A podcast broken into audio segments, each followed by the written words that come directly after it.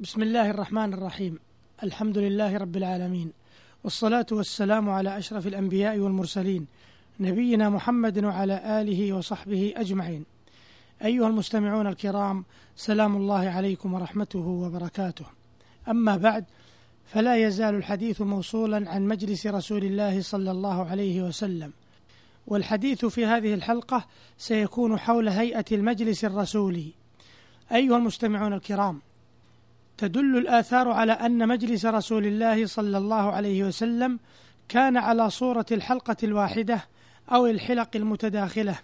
كما ورد في حديث أبي واقد الليثي في صحيح البخاري إذ قال فيه فأما أحدهما فرأى فرجة في الحلقة فجلس فيها وأما الآخر فجلس خلفهم. الحديث.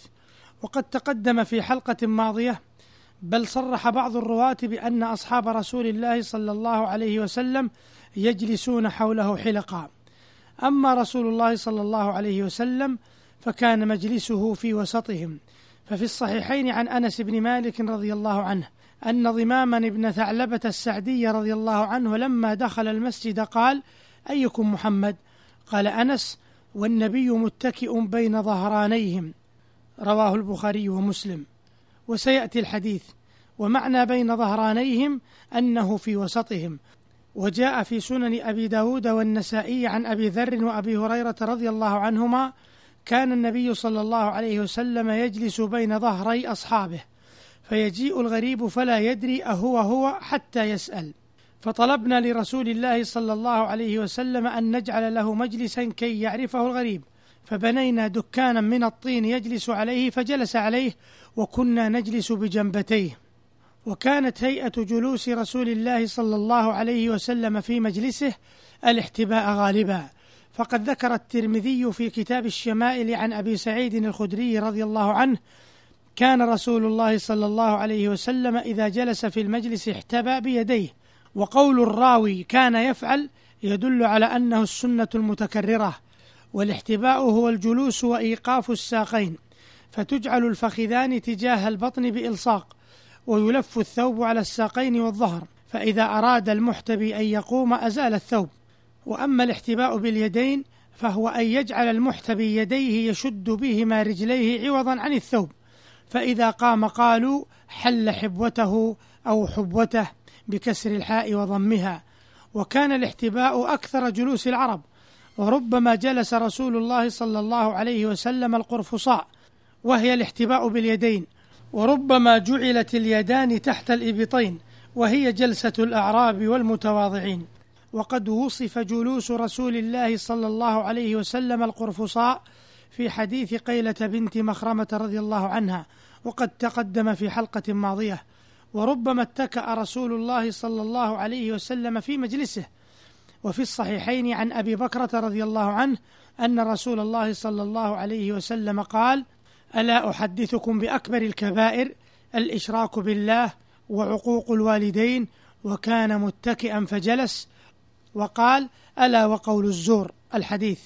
وفي حديث جابر بن سمرة رضي الله عنه رأيت رسول الله صلى الله عليه وسلم متكئا على يساره وربما اتكأ على يمينه وفي حديث حنظلة بن حذيم قال أتيت النبي صلى الله عليه وسلم فرأيته جالسا متربعا.